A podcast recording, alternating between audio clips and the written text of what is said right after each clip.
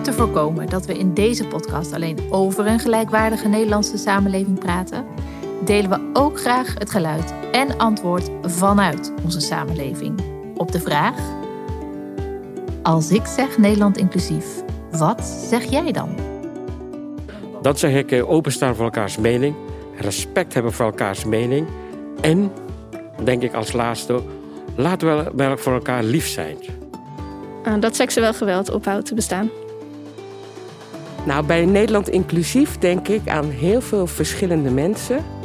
En dat het verschil er mag zijn, omdat dat juist heel belangrijk is. Dat we uh, oog hebben voor de verschillen en ook voor de unieke mensen die in Nederland wonen.